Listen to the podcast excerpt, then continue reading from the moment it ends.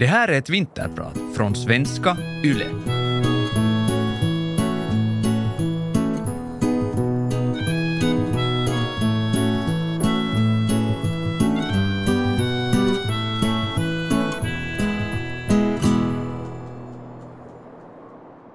En kall januarisöndag för snart fem år sedan vandrade en afghansk yngling in i Andreaskyrkan på Högbergsgatan i Helsingfors.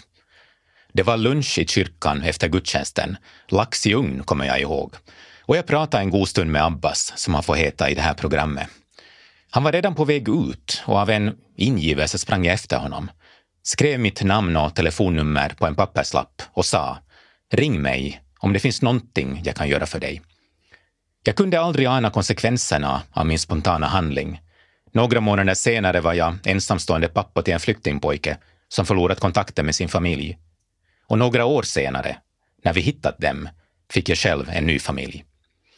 Att leva som den ena pappan i en ny familj med en mamma och två pappor, den ena konservativ muslim och den andra kristen, det har minsann haft sina utmaningar.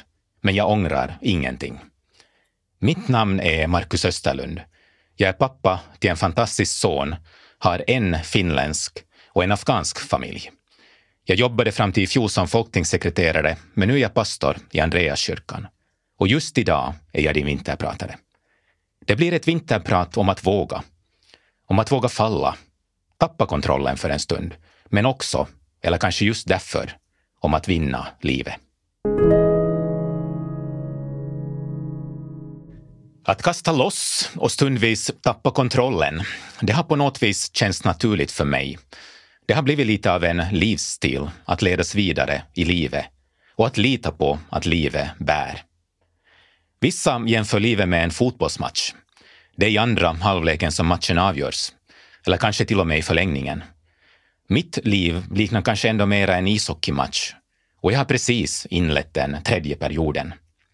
Spelet har böljt från den ena ytterligheten till den andra och varje period skulle faktiskt ha kunnat utgöra en helt egen match.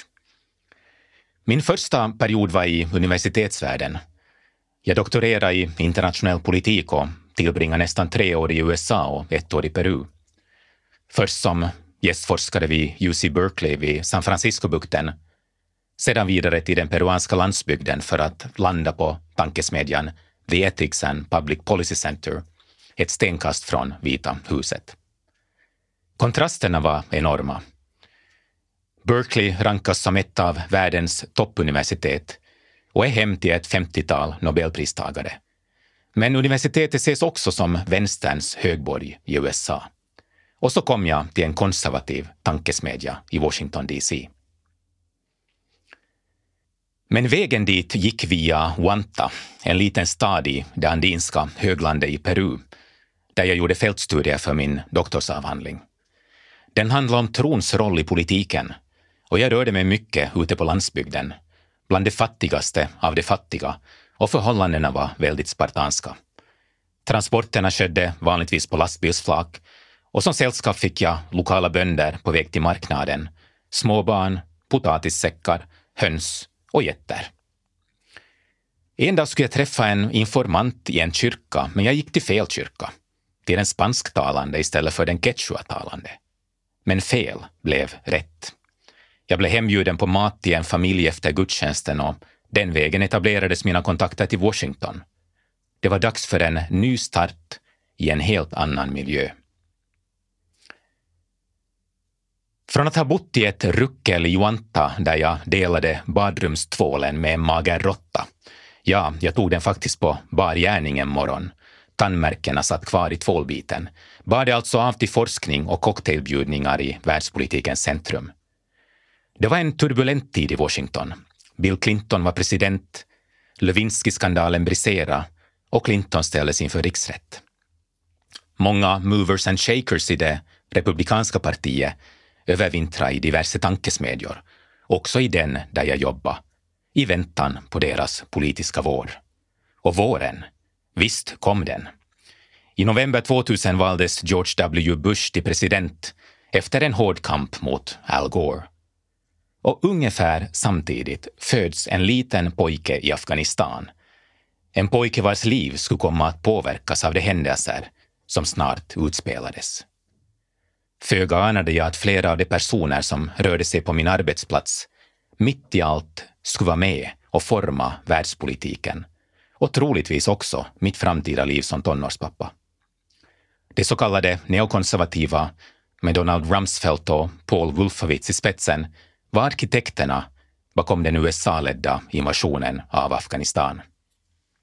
Och än mindre kunde jag föreställa mig att min filosofiska kollega och vän Alexa Costa i rummet mittemot, ett trevligt lunchsällskap och squashkumpan, nästan 20 år senare skulle bli arbetsminister i Donald Trumps regering.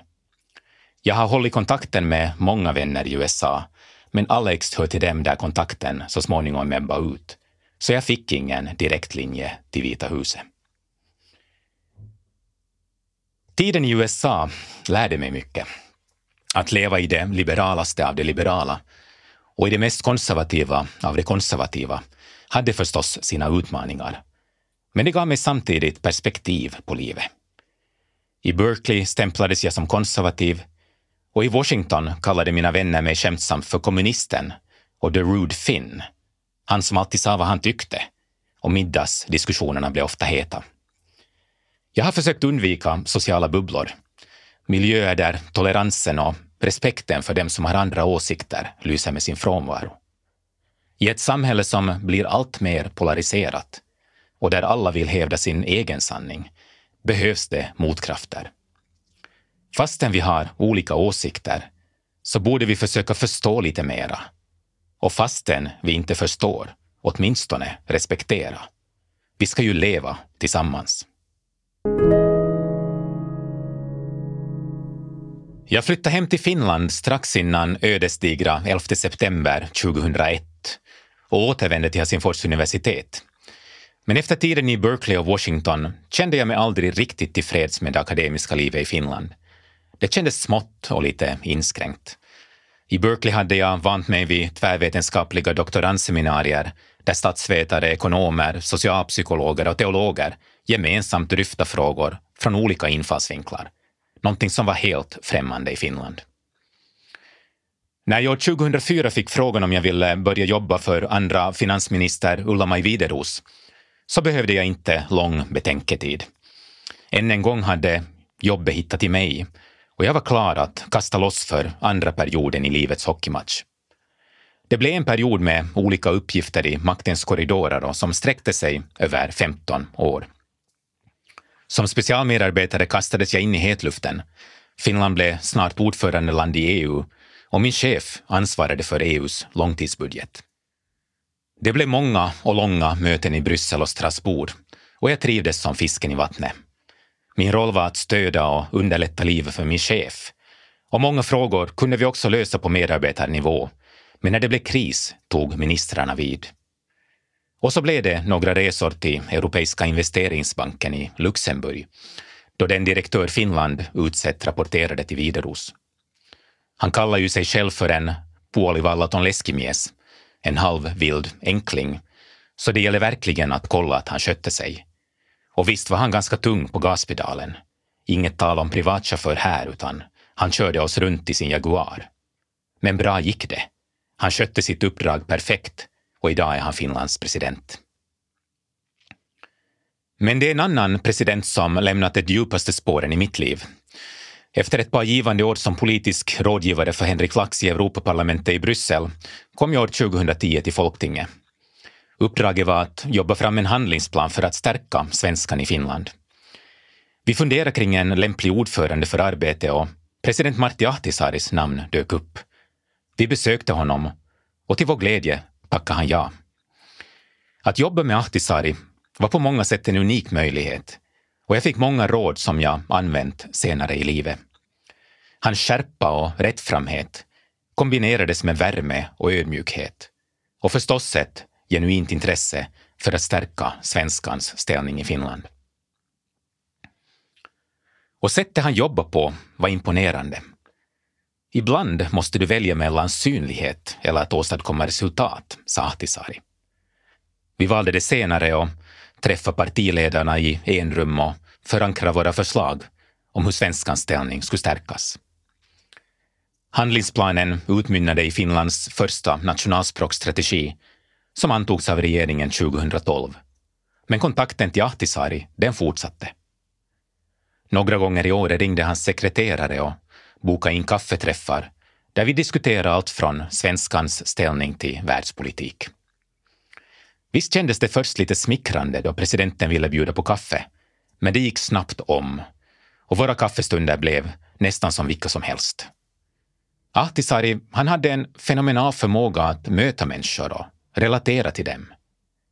När min afghanska son hade prao och jobbade några dagar på Ahtisaaris byrå sa presidenten med varm stämma. Jag har också varit flykting.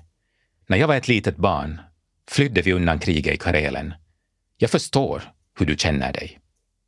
Jag saknar verkligen Ahtisaaris varma stämma. Efter en lång tid inom politiken började jag känna mig mogen för någonting nytt. Ni vet den där känslan som kryper på när jobbet inte längre är lika motiverande. Då är det bättre för en själv och för omgivningen att dra vidare. Jag har alltid haft en tro och en längtan efter att göra skillnad och jag har också varit aktiv i en kyrka. Och ibland har jag fått frågan vad min tro betyder. Allt, brukar jag svara. Den genomsyrar mitt liv, hur jag tänker och hur jag handlar. Men att jobba för Gud, det var långt ifrån självklart. Jag har vuxit upp i en kyrka, bokstavligen. Min pappa var pastor och vi bodde i Vasa, Sibbo, Jakobstad och Ekenäs. Jag blev en finlandssvensk byracka på köpet.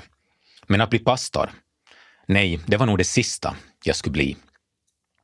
Frikyrkomiljön under min uppväxt, den hade sina sidor.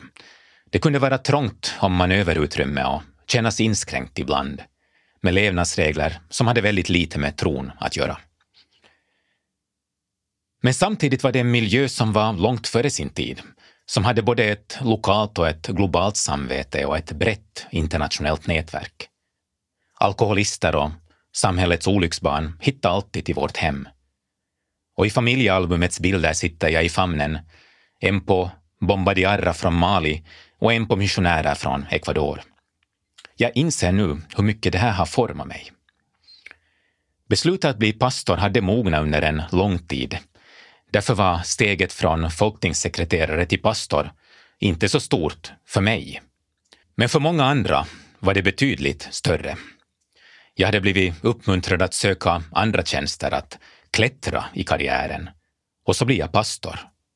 Och jag fick en del förvånade kommentarer om att jag downshiftat eller bytt ner mig. Och på ett sätt har jag faktiskt gjort det, ekonomiskt. Men annars ser jag det som ett lyft. Så inledde jag alltså min tredje period i livet. Att jobba i en kyrka är ett andligt arbete, men också i högsta grad ett jordnära, socialt arbete. Människan är en helhet. Vi består av ande, själ och kropp. Och vi behöver friskvård inom livets alla områden. Att hjälpa de kantstötta, dem som livet inte behandlar så varsamt, det har alltid varit centralt i Andreaskyrkan. Det är liksom en del av vårt DNA. Första kyrkolokalen hette faktiskt Kapellet för det elända och sedan 1886 finns vi på Högbergsgatan, granne med Skillnadens brandstation. Och vi jobbar faktiskt inom samma bransch, att hjälpa och rädda utsatta människor.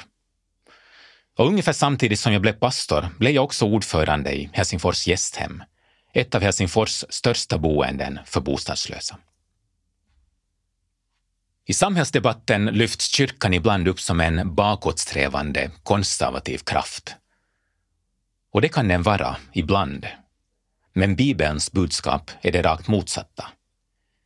Oberoende av vem vi är så har vi samma rättigheter och samma värde. Det är ett starkt budskap som också präglat mitt tänkande.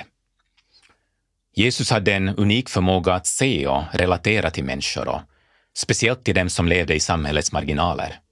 Han hängde med fiskare som Petrus och Andreas, med politiska ledare som Nikodemus, men också med prostituerade kvinnor och ekonomiska brottslingar. Han lär oss att älska och att vara medmänniskor. Inte segregera, utan inkludera. Vi får se bakom fasader och positioner i samhället, se det bästa i andra och vara villiga att ge alla en ny chans. Jag har haft en president, en minister, en riksdagsledamot och en Europaparlamentariker som chef. Jag respekterar dem alla för vad de har uppnått i sina liv. Men det är inte mera värda än en bostadslös, en sprutnarkoman eller en flykting. Människor som jag ofta möter idag. Eller dig och mig, för den delen. Men ännu om att kasta loss och ta språnget och bli pastor. Det hade jag knappast gjort utan att en flyktingpojke dök upp i mitt liv för snart fem år sedan. Det mötet har format mig och fortsätter att göra det ännu idag.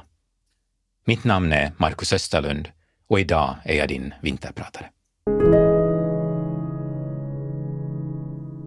Att plötsligt bli ensamstående pappa till en 16-årig afghansk pojke var ingenting som jag i min vildaste fantasi hade planerat.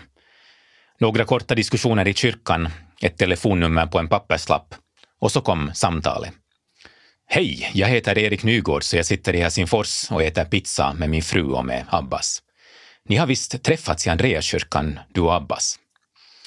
Den vägen kom Tranås in i mitt liv. En liten sömnig stad i Småland i Sverige, där Erik sitter som ordförande i barn och utbildningsnämnden och är aktiv i en lokal frikyrka. Sedan dess har jag besökt Tranås flera gånger och jag har fått många fantastiska vänner där. Abbas kom från Afghanistan via Ryssland med människosmugglare till norra Finland. Men han fortsatte till Sverige och hamnade så småningom i Tranås. På tio månader byggde han upp ett stort nätverk med vänner, lärde sig svenska och under tre månader bodde han hos Erik och Lena. Men Dublinkonventionen grep in. Finland var det första EU-land där han registrerats och strax innan julen 2016 skickades han tillbaka hit till Finland. Några veckor senare sitter han alltså på en pizzeria i Helsingfors med Erik och Lena. Och när de frågar om det inte finns någon i Finland som kunde hjälpa honom, så drar han fram en skrynklig papperslapp med mitt namn och nummer. Erik gör en snabb faktacheck på Google, kommer fram till att jag verkar trovärdig. Jag är aktiv i Liberalernas systerparti, SFP, och ordförande i en frikyrka. Så han ringer. Följande dag träffades vi alla på ett café och jag tog över stafettpinnen och blev Abbas nya trygghet i livet. Under några månader var jag hans stöd under intervjuerna på Migri. Vi träffades eller ringde varandra nästan varje dag och snart ville han flytta in hos mig. Men det krävde förstås att jag skulle bli granskad. Två socialarbetare kom på hembesök, gav sin välsignelse och så flyttade Abbas in och bodde hos mig i tre år. Jag blev hans pappa, han blev min son.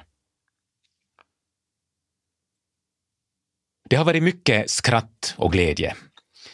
Abbas har blivit en älskad medlem i min familj, fått många kusiner och släktingar och mina vänner har blivit hans vänner. Och han har själv fått många fina kompisar och byggt upp ett finlandssvenskt nätverk som imponerar. Men det har också varit många tårar, det ska jag medge. Jag har aldrig gråtit så mycket som jag gjort sedan Abbas kom in i mitt liv. Jag har fått leva med och lida med i den smärta som det innebär att vara åtskild från sin familj i mer än sex år. Smärtan av att känna till grabbens historia, allt det han varit med om i Afghanistan och på vägen hit. Och smärtan av att se hur han blivit behandlad i Finland, både av myndigheter men också av en del intoleranta rasistiska finländare. Abbas fick kämpa för att få en plats i den finlandssvenska skolan. Han har upplevt myndigheter som ifrågasatt det självklara och mött finländare som trakasserat, verbalt, men också handgripligen. Att en person som upplevt så mycket smärta i sitt liv ska få ett sånt bemötande i Finland, det har känts tungt. För honom, men i allra högsta grad också för mig. Men ändå, att bli pappa till en tonåring, eller idag ung man, det har varit en fantastisk resa. Det är utan tvivel det mest meningsfulla som hänt mig. Och han är den viktigaste människan i mitt liv.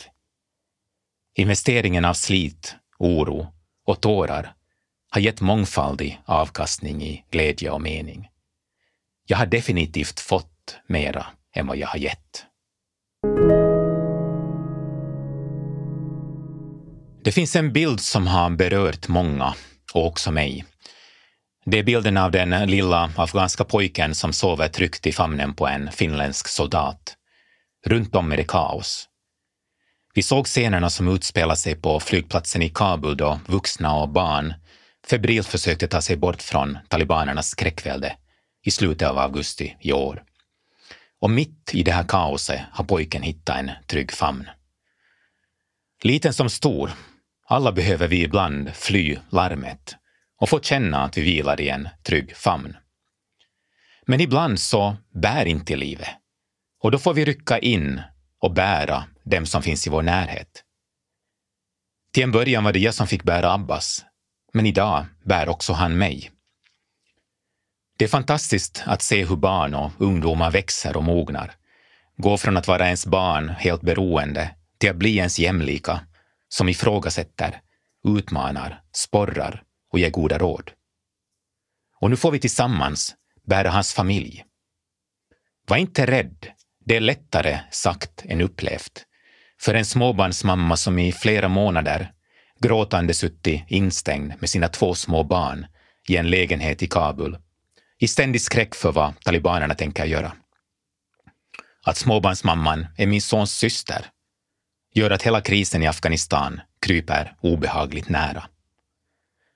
Landet står inför en kollaps. Tusentals hälsokliniker har stängt och över hälften av alla barn under fem år är undernärda. Enligt FN riskerar en miljon afghanska barn att dö under den här vintern. Det är frustrerande. Landet var på rätt väg. Så mycket mer hade hänt i Afghanistan än det som nådde oss via nyheterna.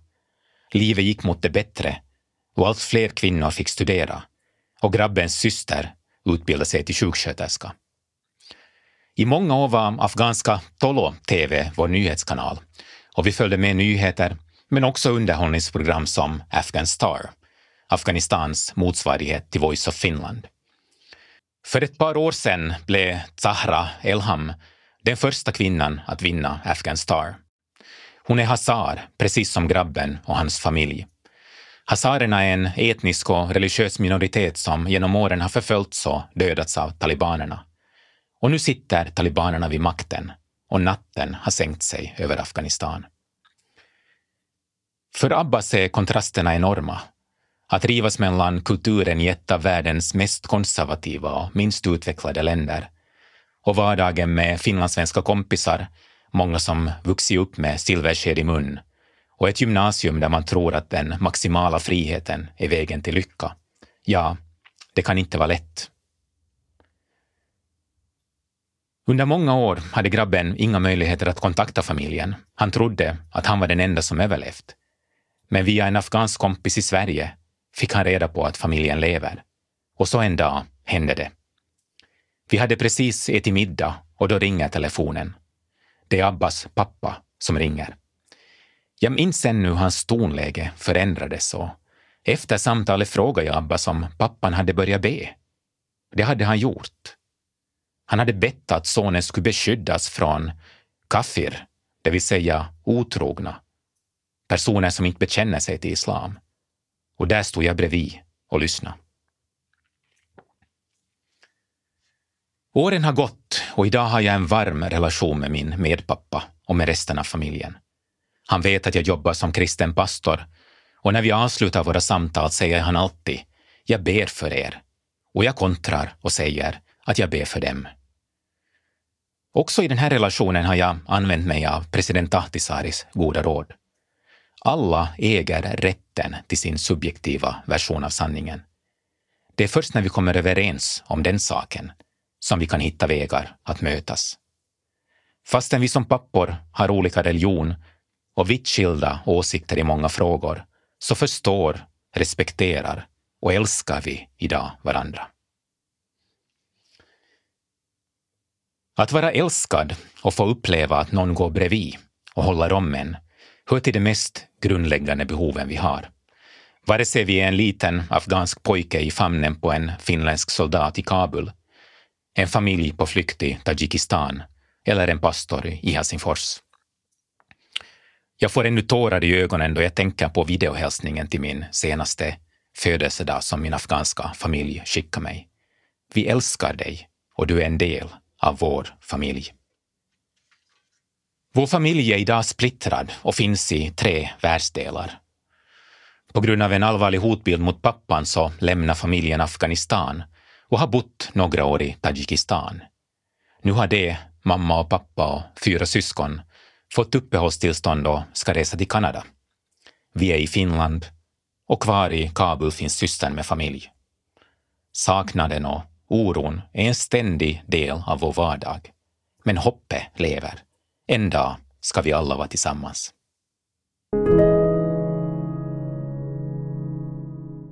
Jag är fortfarande förvånad över hur mitt möte med Abbas förändrar mig.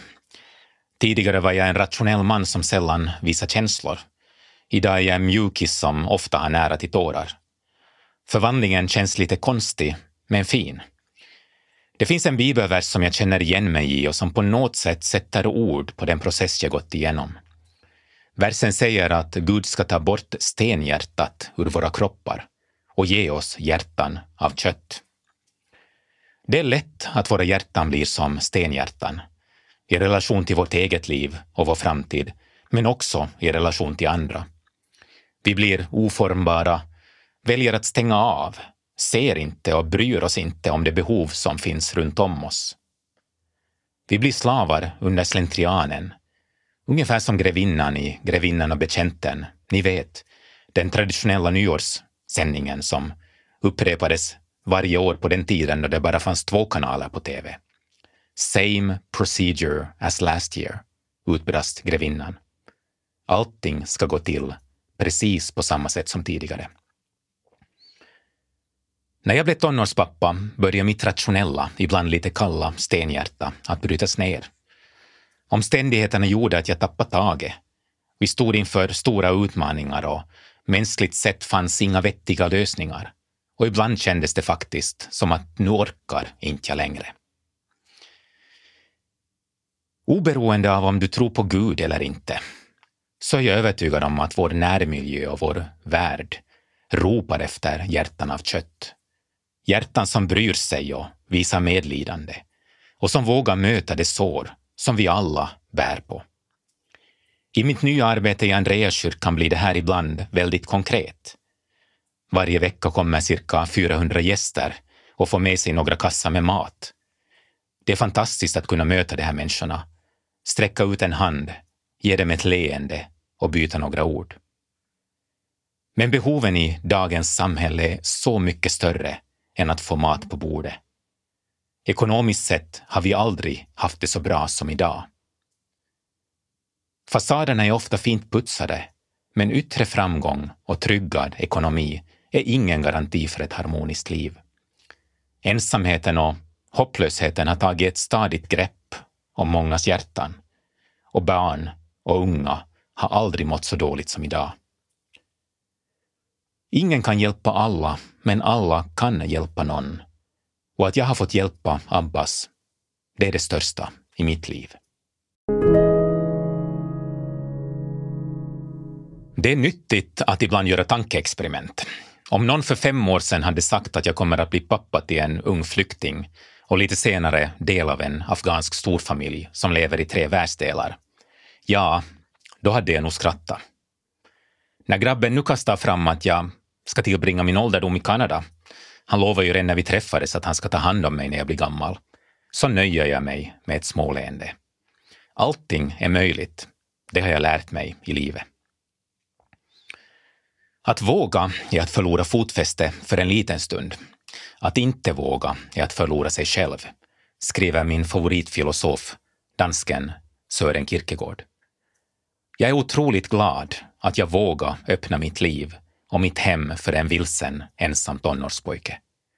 Visst funderar jag några gånger, men idag kan jag inte ens föreställa mig ett liv utan honom. Mycket i livet handlar om att våga välja. Att låta bli att välja, det är också ett val. När vi vågar välja att tappa fotfäste och lämna det trygga belönas vi med så mycket mer. Nya möten, nya människor och ett nytt liv. Men ibland känns det faktiskt som om jag inte ens har valt. I en samtid som är upptagen av visioner och personliga utvecklingsplaner kan det kännas riskfyllt, ja till och med lite ansvarslöst att kasta loss utan att veta målet. Eller så är det en befrielse, en vila, att låta livet föra en vidare och att få bli vald. Och vi, i vår tur, vi får välja att finnas till för andra och ge tröst och hopp. Till dig som valt att lyssna till dagens vinterprat. Kom ihåg att lyssna också till din inre röst, intuitionen, magkänslan eller vad du väljer att kalla den för. Begränsa inte ditt liv till det rationella, till det förutsägbara. Öppna upp för att svaret på din längtan och dina drömmar kan komma på ett mycket oväntat sätt. Jag har fått uppleva det och det har förändrat mitt liv. Mitt namn är Marcus Österlund och idag har jag varit din vinterpratare.